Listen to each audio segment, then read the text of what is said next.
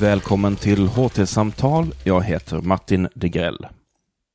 Sverige och Danmark har under årens lopp varit både allierade och fiender.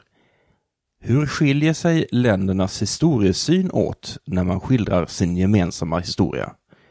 I tre specialavsnitt producerade i samarbete med Svensk-danska kulturfonden granskar två namnkunniga historiker viktiga skeenden från det förflutna. Erik Hedling inleder. Ja, då ska jag introducera denna eh, podcast. Jag heter Erik Hedling, jag är professor i filmvetenskap vid Lunds universitet. Och detta är ett antal eh, historiepoddar eh, producerade av Svensk-danska kulturfonden där vi ska försöka belysa olikheterna i eh, Danmarks respektive Sveriges sätt att betrakta eh, speciella historiska händelser. Och det första ämnet är Kristian den andre som var kung av Danmark mellan 1513 och 1523 och kung av Sverige 1520 till 21. Och bredvid mig har jag två experter. Eh, Dick Harrison, professor i historia vid Lunds universitet. Rasmus Glenthöj, lektor vid, i historia vid Syddansk universitet i Odense. Rasmus, du får börja. Tack. Ja. Jamen så Christian er jo en af de mest omdiskuterede personer i, øh, i dansk historie. Vi har lige fra det samme billede, som man har i Sverige, med tyrannen Christian, som slagter uh, adelen i Stockholm, uh, til at vi har bondebefrieren og manden, som hjælper handelen og borgerskabet. Så uh, jeg, jeg tror, det vi skal forstå, det er, at uh, hver tid skriver historien på ny, og at de her historier udspringer en politisk kontekst. Så i begyndelsen, der havde man præcis det samme billede i Danmark, som uh, man havde i Sverige. Fordi det nye styre, der kom efter Christian, kunne bruge forestillingen om Christian som tyran til at sige, at det var ret, at vi gjorde oprør. Det var ret, at vi tog magten fra denne tyran. Men som tiden går, og man får enevælde i Danmark, så begynder man at kunne se, at han var en, der ønskede central magt. Han ønskede at knuse adelen, skabe en stærk kongemagt og reformer det kunne vi egentlig godt lide, så han var måske ikke så slem igen. Og så var hun på 1800-tallet, hvor man kan omfavne borgerkongen, manden som hjælper bønderne, ham kan vi godt bruge. Samtidig så ønskede han at samle Skandinavien, præcis som skandinavisterne gerne ville gøre på 1800-tallet. Uh, ah, så uh, og, og han ville knuse hans sagen. Han, ville, han var imod tyskerne, og hvis der var noget, danskerne ikke kunne lide på 1800-tallet, så var det tyskerne. Og det er den her mere progressive udlægning af, af Christian, som uh, egentlig nok har præget gode dele af, af det 20. århundrede i dansk historieskrivning. Men man begynder måske at få sådan et billede lidt midt imellem i øjeblikket, uh, hvor man ikke er blind over for tyrannen Christian, uh, men samtidig også ser på nogle af, af de mere moderne sider, de såkaldt progressive sider af Christian, som måske har fyldt knap så meget i svensk historie. Mm. Dick? Eh, ja, Kristian den andra är en av de historik historiska personer som man har tyckt mest om att kasta skit på i Sverige. Han är den enda som har fått tillnamnet Tyrannen, alltså Kristian den onde, Kristian Tyrannen. Eh, men det är en mycket speciell typ av utveckling som har med svensk propaganda att göra. Tittar man mer på hur bilden av honom har förändrats så är det en mycket mer variationsrik bild. Han är till en början, innan han kommer hit och blir kung, en mycket populär gestalt för svenska oppositionspolitiker tycker mest illa om den som sitter och regerar för tillfället och det är uppkomlingen, stormannen bland andra stormän, Sten Svantesson, Sten Sture den yngre, som eh, tillvällar sig riksföreståndarmakt genom en kupp och sitter sen och är allmänt stygg mot andra stormän som lika gärna ville bli riksföreståndare själva. Och då har man ett alternativ och det är den unge dynamiske kungen i Danmark och Norge som man inte vet mycket om, misstänker att han nog inte har helt rent mjöl i påsen, kanske lite för progressiv. Men det är åtminstone bättre än den vi har just nu. Så det finns en mycket stor Kristianvänlig opposition i Sverige med ärkebiskopen själv i främsta ledet. Så när sen Kristian erövrar Sverige efter tredje försöket 1520, då är en stor del av den svenska aristokratin väldigt villig att stödja honom. Så fas 1, mycket positiv. Så det här kulminerar med kröningen i Stockholm då han är oerhört generös och han är förmodligen den populäraste kungen på jättelänge i två, tre dagar. Sen börjar han att halshugga i princip alla han kommer åt. Stockholmsborgare, biskopar, frälsemän, till och med sina egna anhängare. Han nöjer sig inte med Stockholms blodbad, han har blodbad i Finland och Småland också. Och det är ett av de här efterblodbaden, det är i Nydala i Småland då han börjar kallas tyrann. Och den bilden är ju sen den som segrarna tar till sig.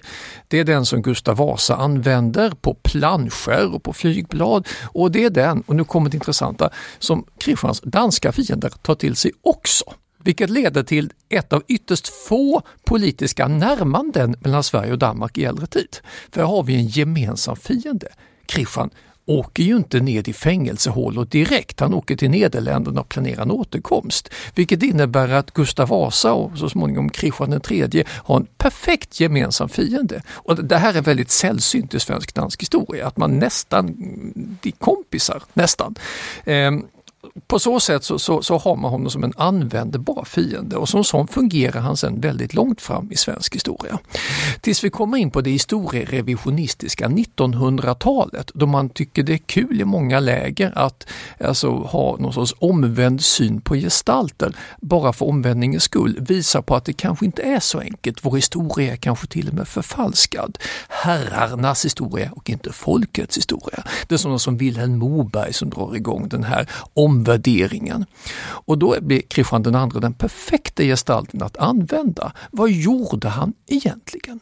Var, det, var dalkarlarna i Mora så rasande över Stockholms blodbad att det var därför de gjorde uppror? Nej, det var ju kapitalistsvinen i Gamla stan. De bryr man sig inte om. Det är ju rätt åt dem. Eller, det bryr man sig inte om alls. Det, utan det, det, Kristian II är orättvist baktalad.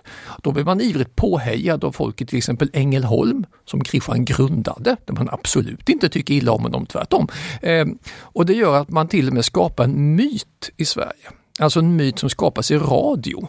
Ett radioprogram som går ut på att ja, han var i själva verket inte alls Kristian den onde, han var Kristian den gode. Det var vad danskarna kallade honom, vilket ingen dansk hade hört talas om och ingen svensk heller. Men det är alltså en modern svensk historiemyt och då följer det med att ja, han var förmodligen bra. Borgerskapet tyckte han om och bönderna, ja, Kristian Bondekär kallade inte danskarna honom det. Det finns alltså inga belägg för att han var det minsta snäll mot danska bönder eller mot svenska. Men den här viljan att omvärdera för omvärderingens skull har gjort att Kristian har blivit intressantare att titta på. Sen när vi nu kommer in i allra modernaste tid så är det väldigt intressant att titta på en rent skvallerjournalisthistoria. Eh, om det är någon skandinavisk kung som det finns spännande kvinnohistorier och sexskandaler och övergrepp, privata saker, då faller han ganska väl in i det här. Han låter sin älskarinnas mamma bli dansk finansminister och det är, det är ju spännande bara det. Eh, och det gör honom till en fascinerande gestalt bortsett från om han var god eller ond. Så den här berg och dalbaneliknande utvecklingen i synen på Kristian den andre, den känner jag inte till någon annan svensk och dansk kung som upplevt. Nej, men det, det passer godt med, hvad jeg også synes. Altså, hvis vi tager det på 1900-tallet, altså, vi får den marxistiske historieskrivning, og der kan vi igen se, hvordan at der kan han være progressiv, fordi han vil væk med adelen, og han vil hjælpe bønderne. Og så har jeg forestilling om, at han er god ved bønderne. Og var han god ved bønderne? Ja, ja nej, fordi han lavede faktisk reformlovgivning, som styrkede bønderne i Danmark. Men han krævede jo hele tiden skatter op, masser af skatter, fordi han skulle indtage Sverige. Øh, så øh, da det hele kulminerer øh, lige før han flygter til Nederlandene, jamen der det er det, han opgiver faktisk kampen, fordi han er klar over, at han kan ikke få nok bønder på sin side. Han har, han har lige så mange ryttere, som oprørerne har, men øh, bönderna är så trötta av skatter så de vill hellre stödja uppröret. Ja, det var exakt därför han förlorade makten i Sverige. Alltså ja. Stockholms blodbad var egentligen sett ur machiavellisk renässanspolitik ja. bra gjort. Det hade Gustav Vasa gjort om han hade fått chansen också. Eh, det låg i tiden. Men att därefter chockhöja skatten på svenska bönder och tvinga dem att lämna ifrån sig vapnen, det var som att be om problem. Då väljer man hellre vem som helst till kung istället och det fanns inte så många för de flesta var ju halshuggna. Så då fick det bli Gustav Vasa i brist på alternativ. Eh, och den, det här att utnyttja bönderna som resurs, det är egentligen väldigt progressivt. Så gör våra kungar på 1600 och 1700-talen och kommer undan med det. För då har de en stark militärmakt. Vad Kristian II gör, och det är också före sin tid, det är att han låter staten gå hand i hand med kapitalet. Alltså han går mot borgerskapet och det är helt rätt tänkt på 1600-1700-talet. Han hade fungerat väldigt bra på 30-åriga krigets tid. Men han försöker alltså göra tidig modern statspolitik 150 år för tidigt och då misslyckas man. Och det är därför att senare historiker godt har kunnet lide ham, eller hvad, nogen har kunnet, fordi at de kan læse meget progressivt ind i ham. Altså han vil skabe en stærk statsmagt.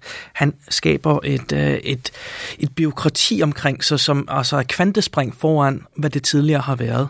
Så han gør det hele, men han gør det alt for hurtigt. Uh, och skapar fiender till höger och till vänster och därmed fejlar han som alltså, politiker. Enormt progressiv sett ur genusperspektiv dessutom. Sigrid Willems, en holländsk invandrarkvinna som chef för hela Nordens finansministerium. Alltså hur många av dagens alltså, regeringar i världen har den typen av rekrytering? Och hon var dessutom bra på det. Ja, då tackar vi för den här eh, historielektionen.